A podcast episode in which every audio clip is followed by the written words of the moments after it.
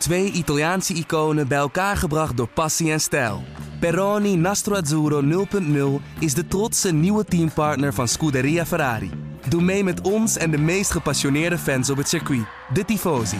Samen volgen we het raceseizoen van 2024. Salute, Tifosi!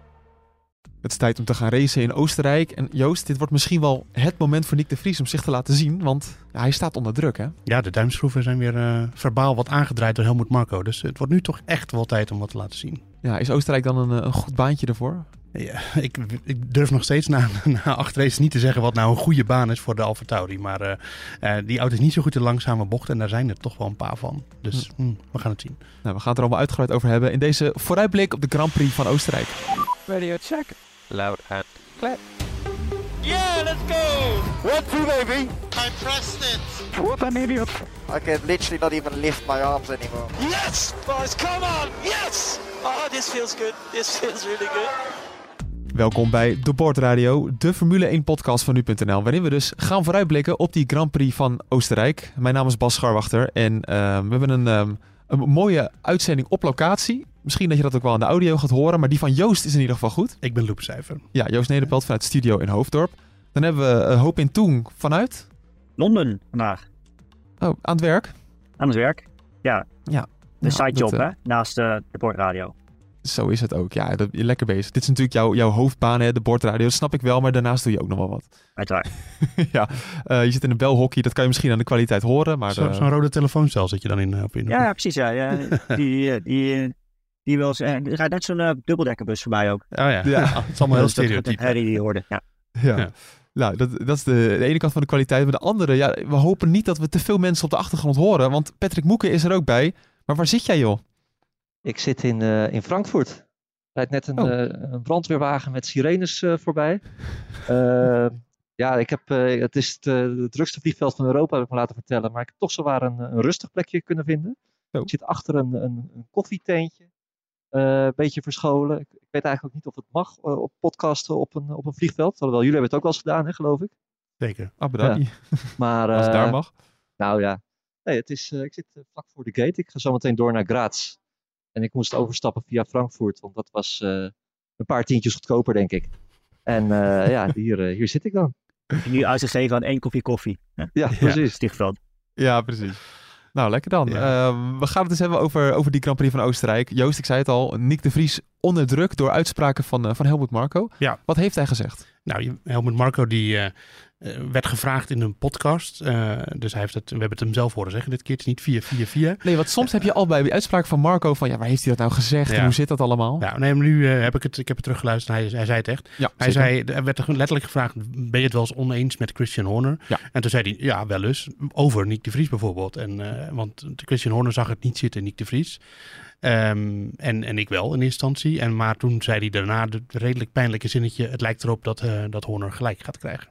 Met, ja, met, een, met een glimlach erachteraan. Ja, dus um, ja, dat is natuurlijk niet zo uh, positief over de positie van uh, Nick de Vries. Aan de andere kant, ja, al gaan we kijken naar de resultaten en dan in achting genomen alle factoren die daarin meegespeeld hebben, dan wordt het wel tijd om te presteren. Ja. En nu echt, want in Monaco waren we nog mild, maar het wordt wel echt een keer tijd om wat te laten zien in ieder geval.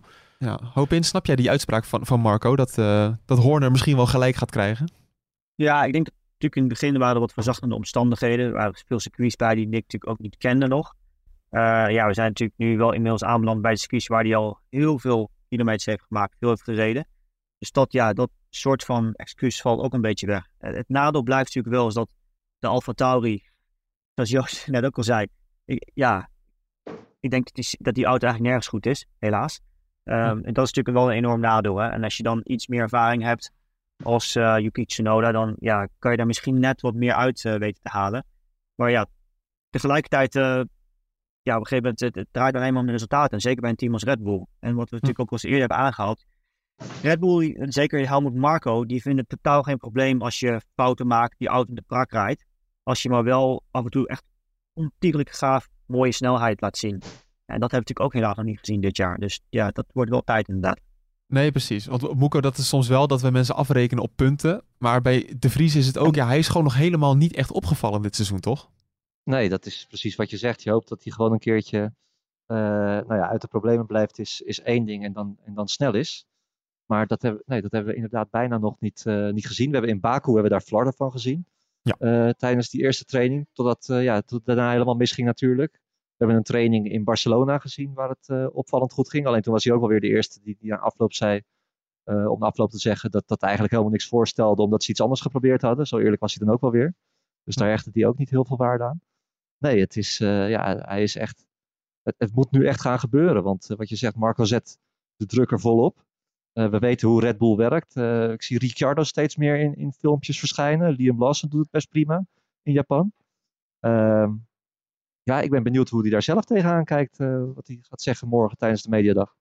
Ja, nu moeten we natuurlijk De Vries Joost vergelijken met, ehm, met Tsunoda. Tsunoda had twee keer in de punten gereden. En daarnaast is hij ook nog eens drie keer elfde geworden. Dus hij zat er steeds heel dichtbij. Ja. De Vries heeft het eigenlijk allemaal niet gedaan. Nee. Dus daar moet je hem op afrekenen. Maar die, die auto helpt gewoon niet mee. Nee, maar de grote vraag is natuurlijk, is Tsunoda nou zo goed of presteert de Vries gewoon zo slecht? Dat, ja, dat, dat is moeilijk hè? dat weten we niet. Nee. nee, we hebben Tsunoda natuurlijk een paar keer naast een redelijke maatstaf als uh, Pierre Gasly gezien. Nou ja, toen was hij natuurlijk nog wel weer jonger. Dus het zijn allemaal zulke uh, uiteenlopende factoren. Ja. Um, maar ja, Tsunoda laat gewoon wel af en toe uh, mooie dingen zien en waar mensen van genieten. En, uh, en waar denk ik dan vooral een type als Helmut Marko en een merk als Red Bull, nou, wat Opin net al zei, ook van genieten. En dat, dat doet Nick gewoon niet. Klaar. En dat, dat, dat ja, de, als je alle verzachtende omstandigheden erbij rekent, dan natuurlijk, dan um, is het misschien helemaal reëel om dat te verwachten. Het is nog steeds een debutant. Maar ja, ook debutanten kunnen af en toe uh, mooie dingen laten zien. En Ja. ja, dat, dat, dan breekt het gewoon aan. Ja, en Hopin, hoe lang mag je nou wennen aan een auto? Want we gaan nu naar uh, race nummer 8 volgens mij. Uh, nummer 9 alweer. Ja, hoe, hoe lang mag je wennen? Ja, dat hebben we natuurlijk bij Red Bull toch een beetje anders dan bij veel andere teams ook weer. Hè? En zeker ook omdat in principe bij Red Bull het vaak zo is dat één persoon daar alle beslissingen maakt. En dat is Dr. Marco. En ja, op het moment dat hij inderdaad nu begint te twijfelen en zich openlijk begint uit te spreken daarover. Ik kan me nog wel herinneren, dat was dat niet met, um, met wie was dat, met, met Gasly? Dat ze ook zeiden van uh, nee, hij wordt zeker niet vervangen en uh, uh, de race daarna lag hij eruit. Oh, ja. um, een soort voetbalwet. Ja, precies. Dus op het moment dat het wordt uitgesproken bij daar, ja. Ik denk dat het een moeilijke situatie is en hij kan het maar op één manier keren. En dat is inderdaad dus gewoon toch om, niet eens denk ik, per se in de punten te belanden, maar gewoon om op te vallen Precies. iets moois te laten zien. En wat ik zei, Ja. echt die, die snelheid te laten zien, die, die speciale snelheid. En dat is natuurlijk ook de reden waarom ze uiteindelijk Max Verstappen toen hebben genomen, toen hij zo jong was. Die Ja. liet snelheid zien, nou dat was ja, ongekend. En op basis daarvan eh, wordt zo'n iemand als Dr. Marco erg geprikkeld. Ja, en het, iets moois had natuurlijk kunnen zijn. Dat duel met Kevin Magnussen in Canada had net zo goed ook iets positiefs kunnen zijn. Maar ja, Ja. dan, dan, dan komt hij weer aan de binnenkant in de, bij de chicane en dan remt hij op het vuil en verremt hij zich. Ja, dat, dat is dan gewoon net zonde. Dat had een heel mooi duel kunnen zijn. Maar toevoegend eigenlijk op wat Hoop in net zei over wie dan de keuzes neemt. Dat werd bewezen in diezelfde podcast. Want Horner vond de Vries dus blijkbaar niks. Maar de Vries kwam toch in de auto. En Frans Toos wilde Mick Schumacher, de teambaas bij Alfa Tauri. En die wilde een andere kleur, maar die kwam er dus niet in. Dus ja, dat zegt eigenlijk alles over de macht van Marco. Ja, maar Marco ziet het ook vaak heel goed hè? Hij ziet het met heel vaak. Vettel, met Verstappen. Ja, daarom. En uh, ja, dan kan je het natuurlijk uh, ook een keer naast zitten. Ik, ik, ik, vraag me ook wel eens af. Uh, dat is natuurlijk een beetje uh, koffiedik kijken, dat weet je niet. Maar Verstappen had natuurlijk wel gezegd tegen de Vries van je moet Marco gewoon bellen. Of, of dat, dat het een beetje op voorspraak van Verstappen was. Of dat Verstappen het een beetje steunde. Of dat de Vries destijds geholpen heeft. Dat vraag ik me ook wel eens af. Dat zullen we misschien nooit weten. Want ja. Verstappen gaat daar zelf niks over zeggen, denk ik. Maar nee. uh, het zal niet zal geweest zijn om Verstappen te pleasen dat de Vries in die auto kwam. Maar ik denk dat het wel geholpen heeft. Ja, Joost, of, eh, sorry, Moeke, jouw uh, handen jeuken denk ik om de Vries te ondervragen. Jij bent natuurlijk in, uh, op het circuit. Ja, hoe, hoe zal hij reageren, denk jij? Nou, ik denk dat hij zelf ook, althans, dat zit ook in, in de, de sportmannenvries, denk ik, dat hij zelf ook wel zo snel mogelijk wel wat wil laten zien. Want als je aan hem vraagt of hij tevreden is met hoe zijn seizoen ver, verloopt, is hij de eerste die zal zeggen dat hij dat niet is. Uh, ze hebben wel updates meegenomen na dit weekend, Alfa Tauri. Dus in alle ja. persberichtjes kwam dat uh, voorbij, waar ze toch stiekem wel wat uh, van verwachten. Eh, hij kent dit circuit natuurlijk ook. Het is ook wel, eh, er zijn natuurlijk heel veel oranje fans en ik denk niet dat ze per se voor niet komen. Maar ze zitten er wel, dus wie weet hoe dat kan, kan gaan als hij straks een, een, mooie kwalificatie gaat, gaat rijden. Die trouwens al op vrijdagmiddag is natuurlijk. De weersomstandigheden, het, ja, het, zou ook, het biedt ook wel weer kansen natuurlijk. Hè? Het, aan, mensen verwachten misschien nu ook weinig van hem. Laat het maar zien. Ja, eh, hoop in. Nu zei Joost net dat eh, de AlphaTauri vooral slecht is in langzame bochten. Ja, Oostenrijk kennen we natuurlijk door de drie DRS-zones. Die kan er lekker inhalen. Maar die langzame bochten, die zijn er ook zeker, toch? Ja, maar goed, als je kijkt naar Montreal, daar waren ze ook op het stuk eh, volgens mij de allerlangzaamste auto in de kwalificatie. Dat had natuurlijk Hmm. wel enigszins te maken met de keuze voor de hoeveelheid downforce die ze reden. Ja. Maar tegelijkertijd ja, is het gewoon geen efficiënte auto, denk ik. En dat is zeker ook op een circuit als ehm, de Red Bull Ring. eh, wat niet op hele grote hoogte ligt, maar toch een klein beetje. Ehm, ik weet niet. Ik ben benieuwd. Ik vind, ik, vind het moeilijk, ik vind het erg moeilijk te zeggen om daar op voorspraak voor, voorafgaand nu al iets over te zeggen. Want die auto het lijkt heel erg onvoorspelbaar. Het lijkt ook dat ze daar zelf ook iets goed mee weten eh, wat ze mee aan moeten. Ook qua afstelling en, en, en noem maar op. Nu komen we weer bij- tot de beroemde vraag. Eh, nee, oh nee, normaal is het een Red Bull baantje. Dit, in dit geval is het echt een Red Bull baantje. Nou, Eh, eh, dat zeg jij. oh nee, daar gaan we het zo over hebben. Eerst nog even, is, het- is, het nou, is dit weer een leuke baan om te rijden, hoop in? Neem, neem de, de luisteraars mee van hoe is dit nou, zo'n baan? Nou, nou, ik zou je sterk weten, ik, ik heb er nooit gereden. Dus Oh. ik, kan, ik Oh, kan normaal stel niet ik altijd die vraag, maar- vertellen. maar- Oh, hè? Ik, ben, ik ben best wel verbaasd. Dit, dit is best wel een algemene baan op de kalender, toch? Ja, ja, ik ben wel in Oostenrijk op Salzburgring ook gereden, maar niet eh, de Red Bull Ring. Eh, het is ja, tenminste als ik het zo zie en gereden heb op simulator en dergelijke, is het natuurlijk wel eh, een schaaf baantje. Met veel, ook wel veel hoogteverschil erin. Snelle bochten. Ehm, ik denk wat uitdagend is voor een coureur, ook hebben we natuurlijk vorig jaar ook heel duidelijk gezien, ehm, is bandenmanagement daar. Zeker omdat Pirelli ook weer de drie zachtste compounds uit hun range heeft meegenomen. En wat altijd uitdagend is, daar zijn ook de curbstones.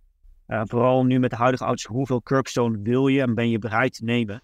Omdat het A, uh, uh, veel vibratie geeft, uh, maar B, ook risico geeft op ja, track limits, waar men tegenwoordig zo streng naar kijkt.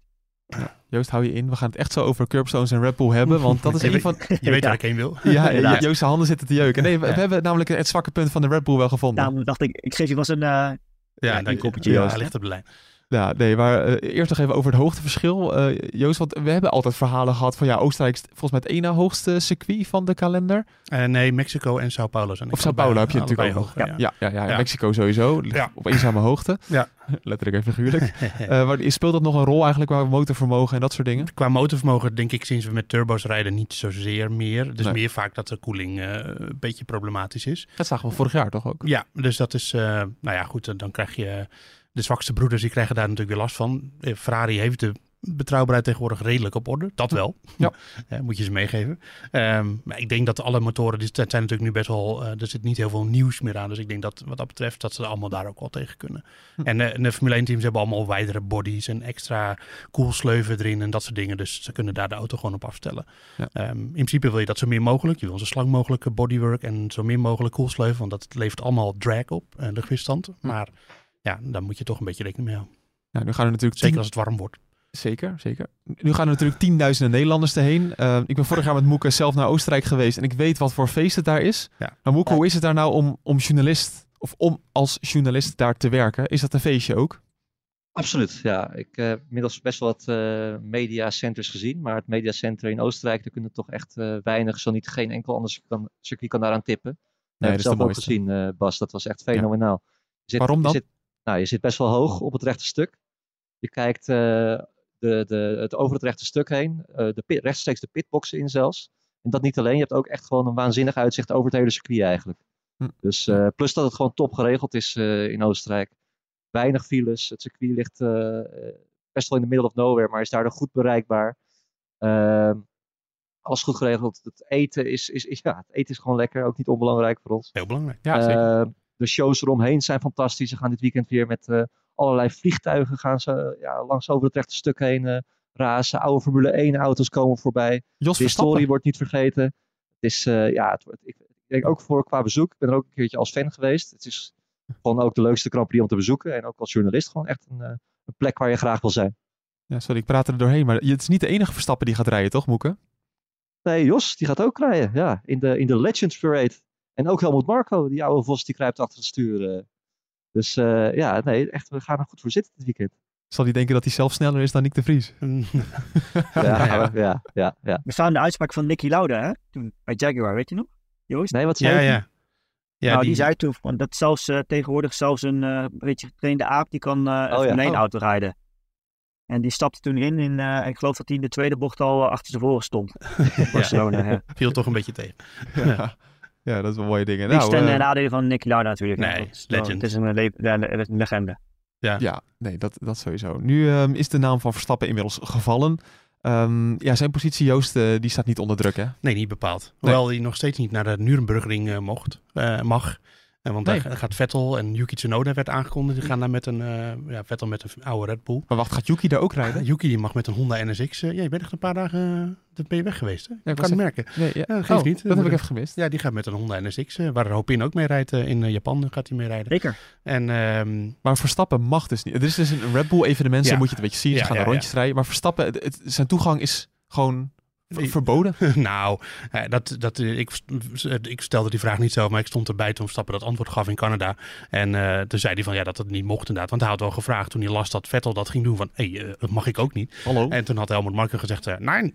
dus, eh, Maar waarom dan? eh, nou, dat weet ik niet, maar... Oh, ik weet het namelijk wel. Eh, nou ja, ze vonden het onveilig blijkbaar. Staat in zijn contract of zo, zoiets? Nee, Eh? Marco die zegt als ik hem in die auto laat rijden, hij gaat dan weer opzoeken wat het ronde record is. Oh, zo, ja. en ja, Verstappen ja. is niet iemand die even een rondje gaat rijden. Nee. Die gaat, dat record heeft hij in zijn hoofd. En Ja. hij gaat er alles aan doen om dat te Ja, verbreken. maar dat is het- precies waar. Als jij als, eh, als fan naar een plek komt waar een demo wordt gehouden, dan wil je die auto op de limiet zien. En, Ja. die, en ik heb, ben wel eens bij demo's geweest, dan rijden ze met zijn auto en dan rijden ze op half gas. Ja, dat, dan zie je de auto niet eigenlijk. nee.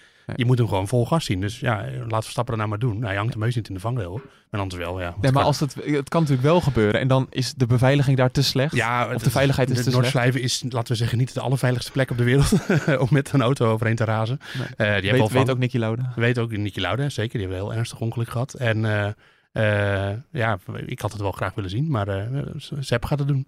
En als eh, ze Vettel de laatste jaren een beetje hebben gezien, dan acht ik de kant ook niet helemaal eh, nul dat hij eh, misschien een vangdeeltje raakt hier en daar. Want die maakt natuurlijk ook wel wat foutjes in zijn laatste jaren. Toch even kijken of Hopin dan als coureur serieus kunnen nemen. Hier heb je wel gereden, toch? Op de Nürburgring.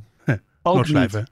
Ja, wel met, met een personenauto. Maar ik heb nooit Jongen. Ja, maar er wordt bijna nooit geraced op de Noordslijven. Nürburgring, dus, eh, ja, de, de, de Grand Prix-baan heb ik natuurlijk veel gereden. Veel Ja. gewonnen ook, overigens. In verschillende klasses. Formule 3, heel goed om dat. eh, World Endurance Championship, eh Ja. et cetera. Mooie baan. En ik, ik zat net nog over te denken. Eigenlijk zijn alle banen, ook weer zo'n baan waar veel hoogteverschillen zitten. Eigenlijk zijn alle banen waar hoogteverschillen zitten, gaaf. Leuk Ja. om te Ja. rijden. Vaak om leuk om naar te kijken. Het levert vaak mooie races op. Daarom zijn die Ehm, Amerikaanse banen ook altijd zo leuk. Ja, klopt. Die hebben dat ook al. Inderdaad, ja. Ja. En het schijfvlak. En, eh, ja, en ook die Britse circuitjes en zo, Branch Hatch en zo, die hebben dat ook allemaal. Ja, precies. Ja. Nou goed, eh, eh, Verstappen, ehm, uiteraard weer de grote favoriet in Oostenrijk. zal ehm, het weer willen laten zien. Ja. Vorig jaar natuurlijk niet gewonnen. Nee, Dus hij moet het wel weer even gaan laten zien voor de sponsor. Ja. Ehm, Joost, dan komen we gelijk op het zwakke punt van de Red Bull, die wij inmiddels gevonden hebben en de rest van de media. Ja. Curbstones. ja, Daar dat kwamen is, we al achter in Monaco. Ja, eh, bevestigd in Montreal. Ja. Elke auto heeft een zwak punt. En de- dit is duidelijk wel een, een zwak punt binnen de relatieve schaal. Van, eh, dus het is niet dat die auto daar heel slecht op is. In, maar hij is er, dat is niet zijn sterkste punt, laat het zo zeggen. Nee. Ik probeer het weer heel genuanceerd te vertellen op niks af. Maar, ehm, we stevenen af op een technisch hoekje van Joost. de- eh, ja, nou ja, ik, ik, ik, eh, Red Bull zegt er niet altijd bij waarom dat zo is. Dus dan moet ik het zelf gaan invullen. Oh En ik denk dat het komt doordat dat de Red Bull een van de stijfste auto's is. Ja. In de zin van stijf geveerd en de, vooral die manier waarop de voorvering eh, werkt. En die, de, die staat een beetje achterover. Het anti-dive, dat hebben we allemaal al een keer besproken. Ehm, dat dat gewoon niet ideaal is over curbstones. En ik denk dat het ook in, in, eh, in de ontwikkeling van auto altijd is. Niets heeft alleen maar voordelen. Dus als je iets, heel kiest, iets kiest, een denkrichting kiest omdat je daar heel veel voordeel bij hebt, dan zit er ook vaak wel weer een klein nadeel aan. Ik denk dat dit dat is, maar durf niet te zeggen, want dat, ja, ik heb geen bronnen die dat bevestigen of zo. Of de vraag een hoop in van wat, wat, waarom zou je een hele stijve auto willen als dat eh ten koste gaat van de grip rondom de curbstones? rijhoogtecontrole voor aerodynamica. Ja. Eh, alles draait natuurlijk om de vloer. En als je Ja. die vloer en zo constant mogelijk weet te houden, eh, kun je echt ten alle tijden de luchtstroom eh, optimaliseren en daardoor zoveel mogelijk neerwaartse druk downforce genereren bij die bepaalde snelheid. Dus dat is heel erg belangrijk. Eh, Ja. Overigens is het wel zo, in, in- die, het moeilijke, hoe moeilijk de Red Bull te rijden is over curbstones, heeft voornamelijk te maken met apex curbs. Ja, dus dat wil zeggen, eh, ehm, ja, de apex is waar je eigenlijk aan de binnenkant van de bocht curbstone raakt. Nou denk ik dat het in Salzburg, of wat Salzburg, op de Red Bull Ring Ja. het zijn voor- voornamelijk de exit curbs. Natuurlijk is een stijve auto dat, is dat ook niet prettig. Maar is het iets minder lastig dan bijvoorbeeld in Montreal, waar je natuurlijk te maken hebt met de chicanes, waar je vol over die curves moet klappen uh, in, het midden, in het midden van de bocht. Uh, exit curve is in dit geval dan iets minder problematisch. Ja. ja. De exit curve is vaak natuurlijk ook de curbstone waar je hem tegenaan leunt om weer snelheid mee te pakken. Toch? Ja, je hebt natuurlijk bij het uitkomen van de eerste bocht heb je zo dat gele, die gele rand. Ja. Waar ze soms ook overheen gaan, wat niet helemaal bevorderlijk is voor de vloer. Hm. En uh, als ik nu even denk, de enige apex curve, zoals dat heet, die denk, zit denk ik een beetje in de laatste bocht. En die, ene, die ene die, laatste. Ja, en die uh, ene bocht, als je voorbij die oranje tribune gaan, dan zit er nog zo'n klein knikje naar rechts. Ja. Dat is, maar die is niet, volgens mij niet heel hoog. Dus nee. we gaan het zien. Verder, uh, qua topsnelheid en qua dat soort dingen is de Red Bull natuurlijk gewoon superieur. Dus uh, de kans dat ze gaan winnen is weer vrij reëel. ja. ik, ja, dus dat... en ik verwacht verder dat Ferrari wel weer sterk gaat zijn hier, want die zijn snel langs. Ja, maar dat doen we zo meteen. Oh, sorry. Oh, je neemt het hele draaiboek weer over. Ja, ik, ik, we gaan even naar de verhoudingen. Maar... nee, ja, dat doen we even zo. Ik wil even nog van Moeken weten. Van, kijk, er zijn zoveel mensen daar. Ja, weet je, de, die willen toch wel een feestje hebben. Hè? En is, is helemaal geen vraag eigenlijk. Maar dat, dan is het eigenlijk het enige cadeautje dat ze kunnen geven, dat is dat Verstappen daar gewoon wint, toch?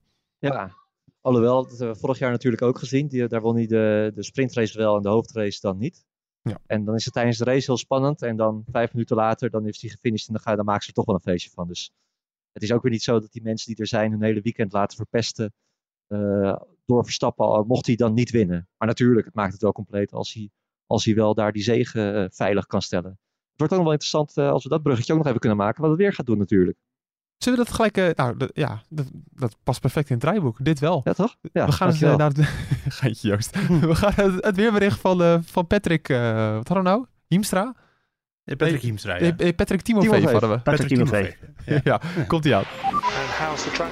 Wet. You winters or wet? I think we should go to the garage. Can you stay out on this condition? Yes! Race has been suspended. It's a good decision.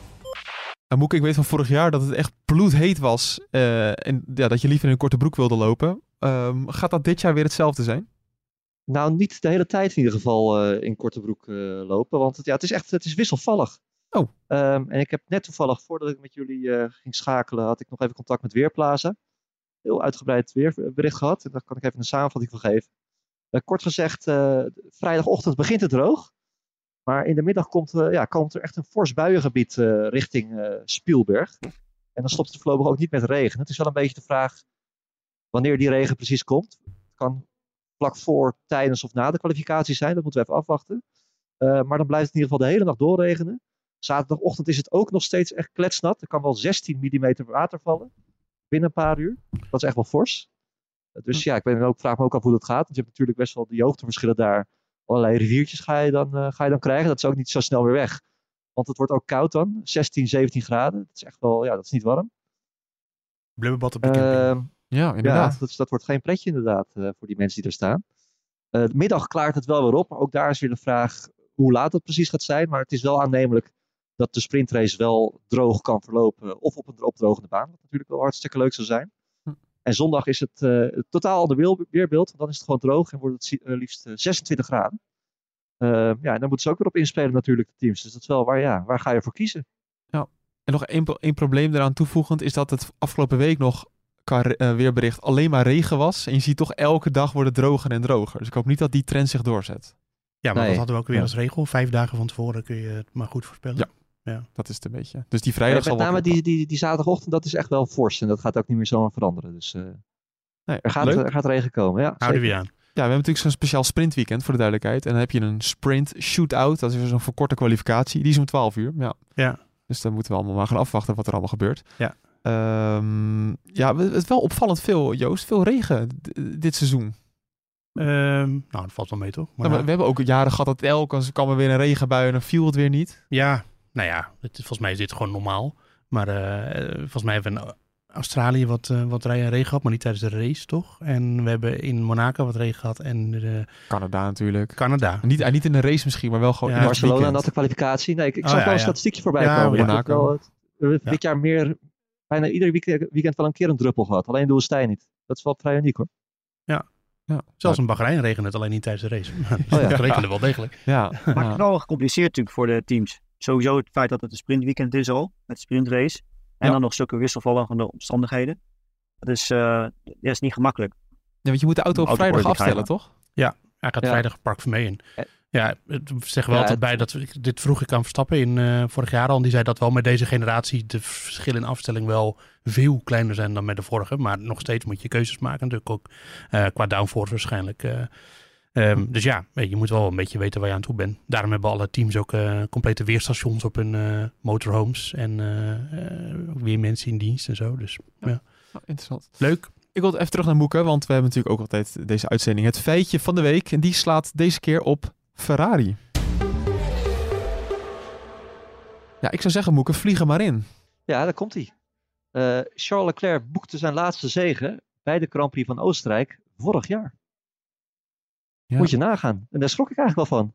Zo lang staat hij al droog dus. Nou, ik wou het zeggen. Hij was, zou toch de grote concurrent zijn van Verstappen dit jaar. Het zou echt een één op één strijd gaan worden. Ja. Maar hij, hij blijft maar niet winnen. Nee, en eh, dat geldt niet alleen voor Leclerc, maar ook voor Ferrari. Want dat was ook meteen de laatste overwinning van Ferrari. Oh. Want Sainz won vorig jaar wel op Silverstone. Dat is dit jaar na Oostenrijk, maar dat was vorig jaar voor Oostenrijk. Dus het was ook gelijk gelijk de laatste overwinning van, eh, van Ferrari. Ehm, ja, eh, ze hebben... Ook bizar eigenlijk, hè? Ja, maar ja, goed. eh, we weten uh, wie schuld dat is. Ferrari zelf natuurlijk, maar verder uh, dominante Red Bull. Ja. Ja, ze hebben gewoon uh, problemen met uh, correlatie. Komt ook steeds meer naar voren. Dus dat uh, de simulaties in de windtunnel, eigenlijk een beetje wat Mercedes ook had, dat dat niet helemaal overeenkomt met de praktijk. Hm. Uh, en sinds ze daarachter zijn gekomen, zijn ze eigenlijk een beetje aan het worstelen om die auto recht te trekken. Hm. Maar dat is makkelijker gezegd dan gedaan. Uh, maar het, het lijkt hem vooral in de vloer te zitten, want ze zijn nu komt er ook weer een update aan de vloer. En ze hebben, ja, daar richt zich het vooral op. En natuurlijk ook op de sidepods, maar ook vooral daarop. Hm. Dus um, ja, we gaan het zien. Er komt nu een wat meer uh, Red Bull geënte volkant van de vloer, zeg maar. Dus waar die, al die flappen zitten die de lucht naar binnen geleiden. En die steken nu wat meer uit. Als mensen vergelijkingsfoto's uh, opzoeken. Ja. Uh, dat is een beetje meer zoals Red Bull en Aston Martin het doen. Dus ja, je, het is wel duidelijk dat zij eigenlijk net als Mercedes uh, het voor, en Aston Martin natuurlijk ook het voorbeeld Red Bull volgen. Ja, nou, toevallig op in. We hebben in Monaco al die foto's van de Red Bull gezien. En er komt in één keer Ferrari met een nieuwe vloer. Ja. Maar ik denk niet dat dat iets met elkaar te maken heeft, toch? Nee, nee, nee. En dat ook meerdere uitspraken zien, ook vooral van de uh, kant van Aston Martin. Waarvan ja. natuurlijk al langer wordt gezegd van dat is een kopie van de Red Bull, geïnspireerd door de Red Bull. En ook zij hebben volgens mij nu gezegd, we halen er wel inspiratie uit, maar kopiëren, dat, ja, dat, dat heeft natuurlijk totaal geen zin. Het gaat echt altijd om details. En het zijn die, die, die fijne luchtstromen. Ik bedoel, als je je kunt voorstellen dat zo'n klein flapje aan de zijkant van de vloer een groot verschil kan maken, ja, dan is het heel moeilijk natuurlijk om van een foto om maar een onderdeel te kopiëren van een andere auto, om dan op jouw eigen auto te zetten. Natuurlijk is het zo dat je wel inspiratie eruit haalt, maar uh, nee, kopiëren niet. Nee, nu gaan ze ook nog eens een filmdag uh, inzetten. Is, is dat al gebeurd? Dat hebben ze uh, woensdag gedaan, ja. Woensdag gedaan, ja. Uh, ja, nee, het is nu woensdag. Heel dus veel camera's ze...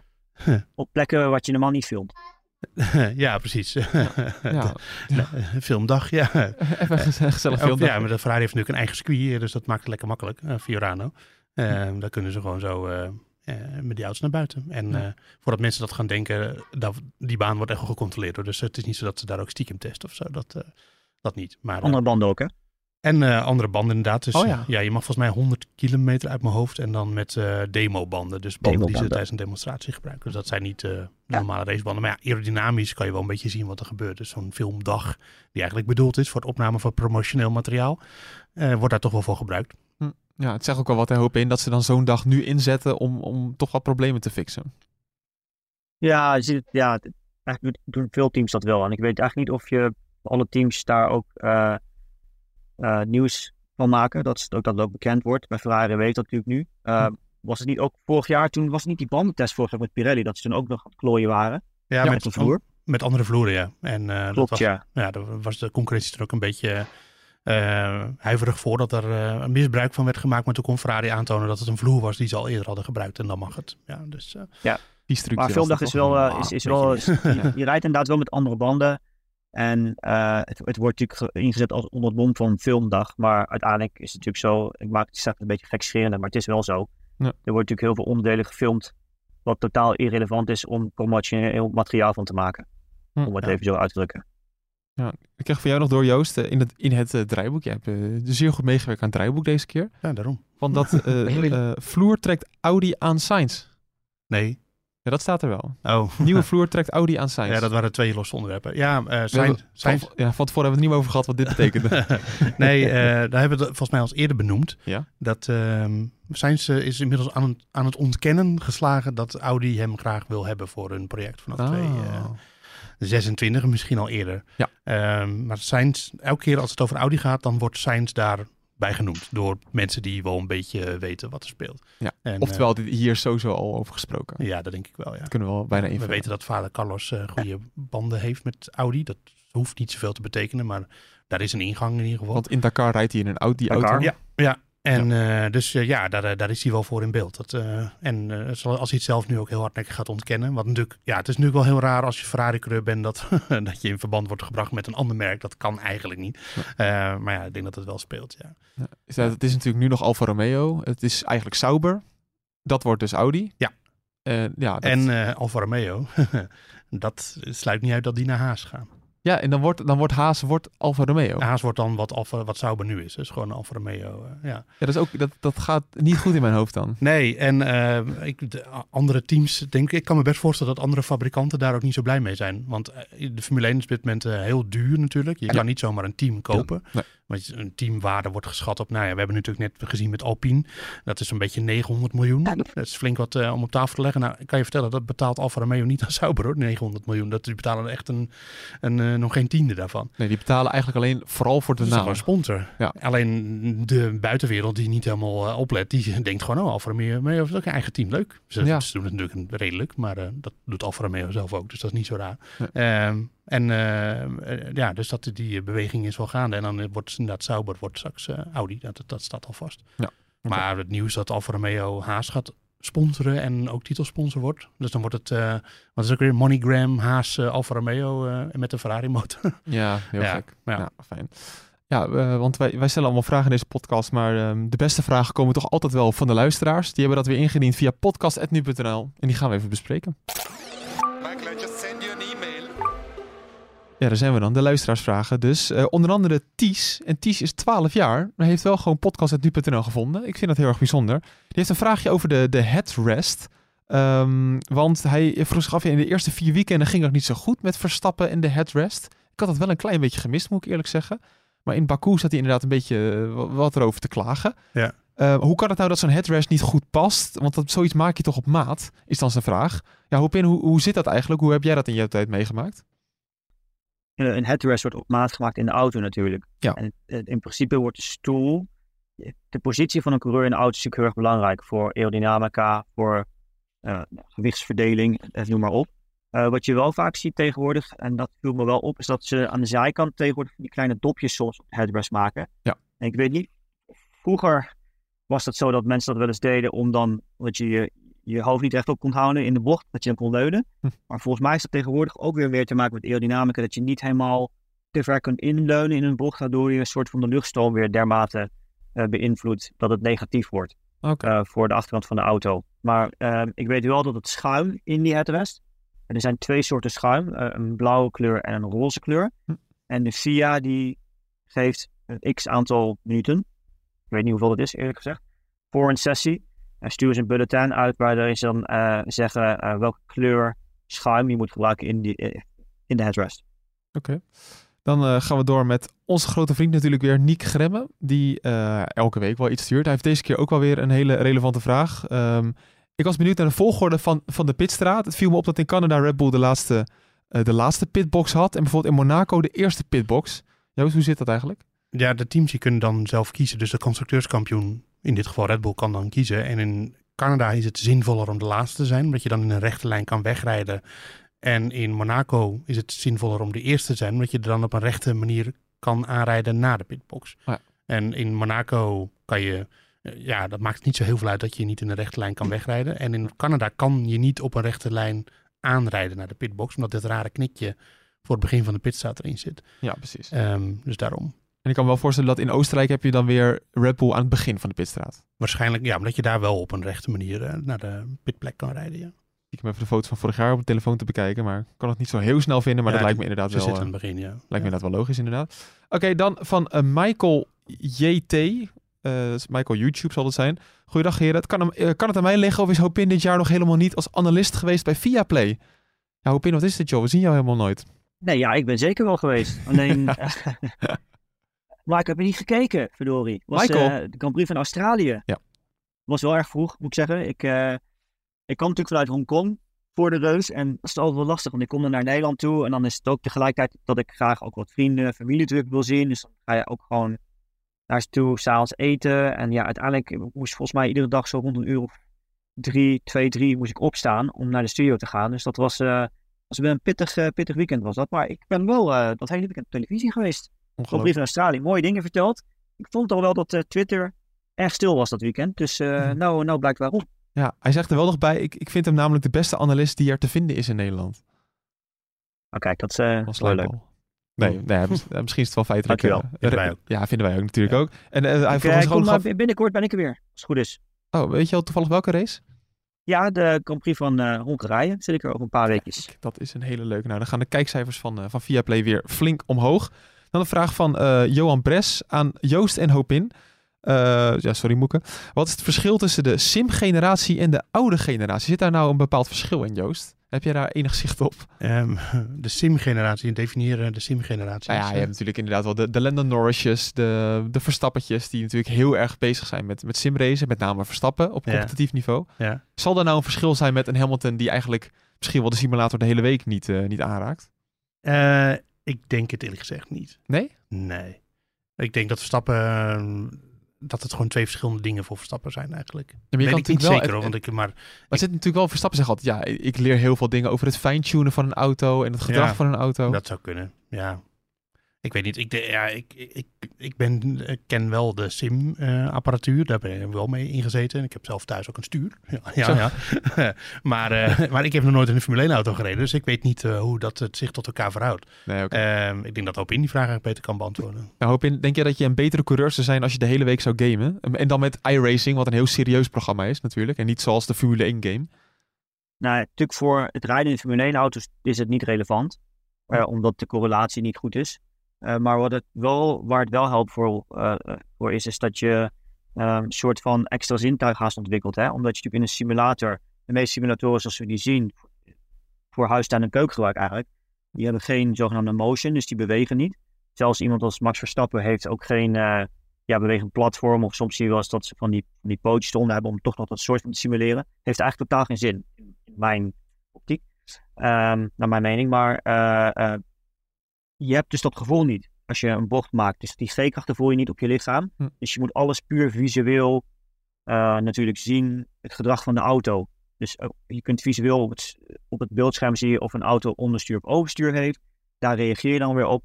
Als je dan vervolgens in een echte raceauto zit en wel die G-krachten weer hebt, ja, dan is dat een soort van extra aanvullend, ja, we zeggen zintuig.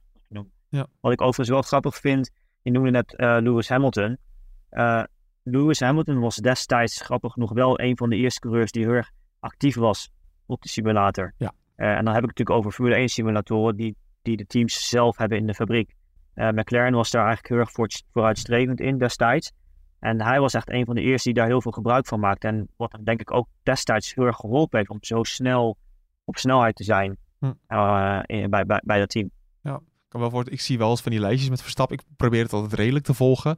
Je, de, de consistentie qua rondetijden, dat zie je dus heel erg in, in die games van hem. Maar dat zie je natuurlijk ook terug. Ik kan me Mexico vorig jaar nog herinneren. Je, De exacte rondetijden die hij rijdt als een soort Sven Kramer met schaatsen. Weet je, precies de ronde die hij moet rijden, dat, dat kan hij wel heel erg. En ik zou me wel kunnen voorstellen, Joost, dat dat door, door die games ook een beetje getraind is. Dat je een soort consistentie... eh, Ja, dat Ja. je gewoon... Concentratie. Ja, Ik zou je sterker vertellen, rijden op een sim is haast vermoeiender, of eigenlijk misschien wel vermoeiender dan rijden in een echte auto. En dat komt dus puur vanwege die concentratie, puur vanwege zei, dat je alles, eigenlijk is alles visueel, Hm. in plaats van dat je veel op je gevoel kunt doen. oké. Nou, toch, toch interessant even om dat aan te snijden. goeie vraag. Dan nog een vraag van Bas Havenaar. Een goede voornaam heeft hij wel, zeg. Die heeft twee vragen over de regenbanden en de intermediates. Relevant voor dit weekend. Eh, van de reguliere banden hebben alle coureurs altijd een vast aantal per race. Hoe zit dat met, met de regenbanden en de intermediates? Ja, ze krijgen dus eh, vier sets intermediates er extra bij en drie sets eh, regenbanden. Oké, dus je kan niet onbeperkt eh, lekker op regenbandjes blijven rijden. Nee, Maar ik vraag me wel een beetje af hoe dat gaat. Want als je nou, zoals komend weekend, eh, een heel nat weekend zou hebben. Met natuurlijk een sprint en alles erbij, erop en eraan. Dan heb je denk ik aan drie sets regenbanden niet genoeg. Dus volgens mij zijn er wel openingen om nog meer banden beschikbaar te stellen. Nou, niet zo, ja, zet natuurlijk een limiet erop dat je niet oneindig die banden gaat Nee, en, verspillen. en in de, met de droogweerbanden heeft dat natuurlijk ook een strategisch element. Ja. En dat zou natuurlijk in, met regenbanden ook zo kunnen zijn. Maar om daar nou helemaal dat in voor iets wat niet zo heel vaak voorkomt, dat is een beetje overdreven. Dan nog een andere vraag van Bas. Eh, normale banden hebben altijd verschillende compounds. Die verschillen per circuit. Ja, hoop in. Geldt dit dan ook voor de regenbanden intermediates? Dus heb je ook een, een zachte intermediate bijvoorbeeld of een harde? Nee, die zijn eigenlijk altijd hetzelfde. Maar natuurlijk is de compound, de rubber, voor, tussen een full wet, dus met de blauwe zijkant, en een intermediate met de groene zijkant, is wel heel erg anders. Intermediate is eh, iets meer temperatuurgevoelig. Dus die moet eigenlijk meer temperatuur hebben om te kunnen functioneren. Ja. Terwijl een, eh, een full wet, eh, dat daar niet het geval is. En die, dat rubber is veel zachter. Dan hebben we nog één vraag die ik echt toevallig tijdens de uitzending in mijn DM binnenkreeg van Kenneth van der Zalm, die heel vaak naar ons luistert, eigenlijk altijd. Ehm, voor Hopin ook weer. Aan het begin van het seizoen voorspelde jij dat Max Verstappen negen races zou gaan winnen. Ja, had je dan misschien toch niet wat meer verwacht van de concurrentie? Want ja, die negen races, dat, eh, dat gaat sowieso wel lukken. Ja, ik had wel gedacht dat het iets competitiever zou zijn. En zeker ook dat als je kijkt naar teams als Ferrari, ehm, die toch een soort van jaar hebben kunnen leren. En ook hebben kunnen kijken. Ik, wat, wat we wel vaak hebben aangehaald, is dat vorig jaar eigenlijk alle teams met een blanco canvas zijn begonnen. Hm. En eh, heel moeilijk was in te schatten de, welke verhouding je precies moet hebben qua downforce, drag, noem maar op. Ehm, die, met die informatie allemaal hebben ze natuurlijk wel die auto's van dit jaar kunnen bouwen. Dus ik had wel persoonlijk verwacht dat het veel dichter bij elkaar zou zitten dan wat het nu eigenlijk het geval is. Ja, Ja. Dat, is, dat is zo. Ja, nou, dan... Red eh, Bull heeft dat verpest. Ja, die, die hebben gewoon zo'n stap ja, als je gezet. kijkt achter Red Ja. Bull is het wel, is het wel eh, leuk om te zien en competitief. Ja. Ik zag over nog een, eh, nog een leuk feitje wat ik er tussendoor kan gooien Ja. daarover. Ik zag dat eh, een Red Bull op dit moment exact evenveel punten heeft als Mercedes en Aston Martin, dus 2 en 3 in het kampioenschap eh, gecombineerd. Samen. 321 punten. Saai. Ja, maar Ja. Aston Martin heeft Lance Stroll. Ja, dat is waar. nou ja, en Red Bull heeft Sergio Perez tegenwoordig. Dus. Ja. Nou, Ja. of eh, Verstappen zijn Pas zevende... op, eh, Joost, je krijgt de Mexicaan achter je. Zo. ja. Ja. dat is waar, ja. Ja, dat is ook zo. Ja. Ja, we gaan vooral eens kijken of Verstappen zijn zevende zege van dit seizoen al kan gaan boeken. En eh, ook of we dat gaan zien voorspellen door, de, door onze experts natuurlijk. Ja, gewoon allereerst eens schakelen met, met Frankfurt. eh Moeke, want wat denk jij? Gaat Verstappen weer winnen? Ja, dat denk ik. Het begint een beetje saai te worden, maar dat gaat gewoon, eh, gaat gewoon gebeuren natuurlijk. Ik denk eh Verstappen gaat winnen. Ik denk dat Perez zich enigszins revancheert door gewoon weer eens een keertje het podium eh, te eindigen. Dat zou voor hem al eh, ja, goed zijn, denk ik, in de fase waarin hij zit. En dan Leclerc op de tweede plek. Eh, hoop in? Ik ga voor Verstappen. Ik ben het wel mee eens met wat, wat eh eh, Moeke zegt. Dus Perez denk ik tweede. En dan zet ik Alonso op drie. Joost? Ja, het is een sprintrace, hè?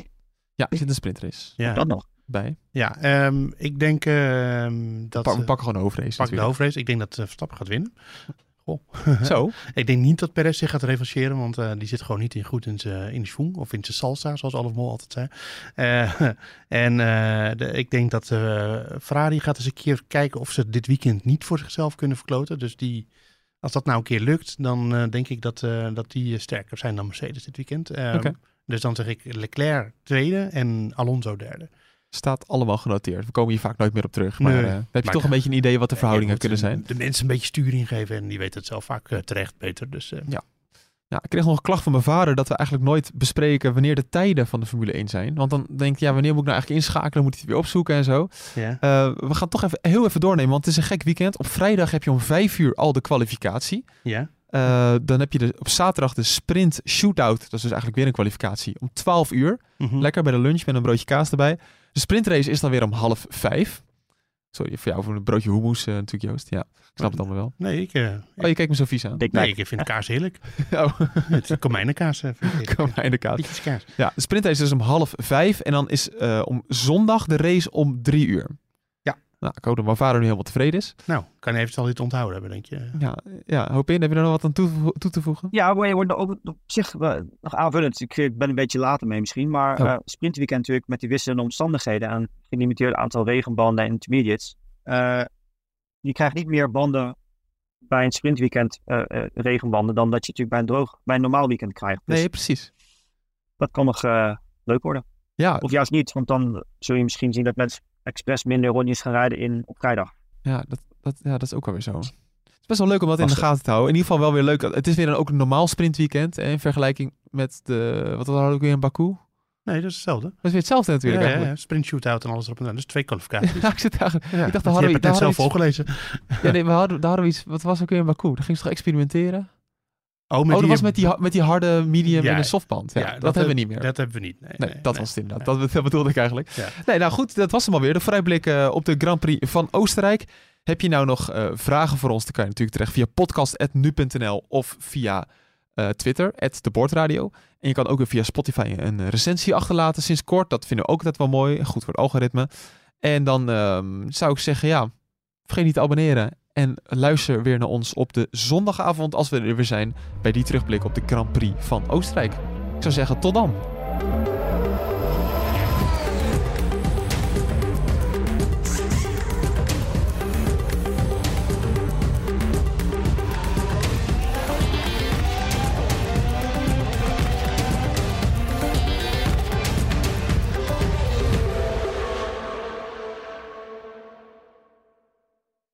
Twee Italiaanse iconen bij elkaar gebracht door passie en stijl. Peroni Nastro Azzurro 0.0 is de trotse nieuwe teampartner van Scuderia Ferrari. Doe mee met ons en de meest gepassioneerde fans op het circuit, de Tifosi.